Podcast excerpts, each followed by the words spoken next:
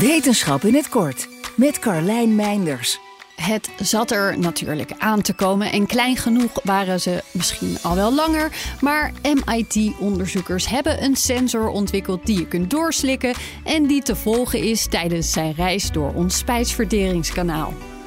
De mini-sensor, ter grootte van een flinke pil, detecteert terwijl hij in het lichaam zit een magneetveld buiten het lichaam. Doordat de afstand tot dat magneetveld steeds iets verandert terwijl de sensor beweegt, is te bepalen waar hij zich bevindt.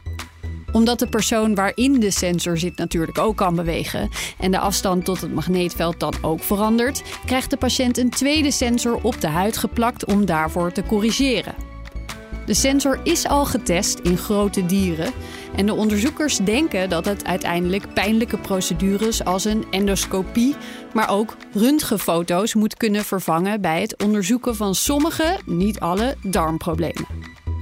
De sensor die gewoon weer uitgepoept wordt, kan geprogrammeerd worden om op vooraf bepaalde momenten te meten. Of wanneer het in de buurt komt van het apparaatje dat het magnetisch veld uitzendt. Dit apparaatje zou in een rugzak of jaszak moeten passen. Of bijvoorbeeld achter de spoelbak van een wc. Je hoort het al, het idee is dat het hele pakket uiteindelijk gewoon mee naar huis kan. De verzamelde data kan de sensor vervolgens naar een smartphone of laptop sturen, ook als hij nog in het lichaam zit. Dat klinkt allemaal behoorlijk spectaculair, maar onderzoeken met de sensor in mensen moeten nog worden uitgevoerd.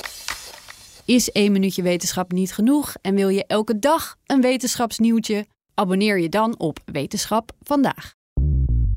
Bij BNR ben je altijd als eerste op de hoogte van het laatste nieuws. Luister dagelijks live via internet. Bas van Werven. En heel langzaam komt de zon op rond dit tijdstip. Je krijgt inzicht in de dag die komt op BNR, het Binnenhof in Nederland en de rest van de wereld. De Ochtendspits. Voor de beste start van je werkdag. Blijf scherp en mis niets.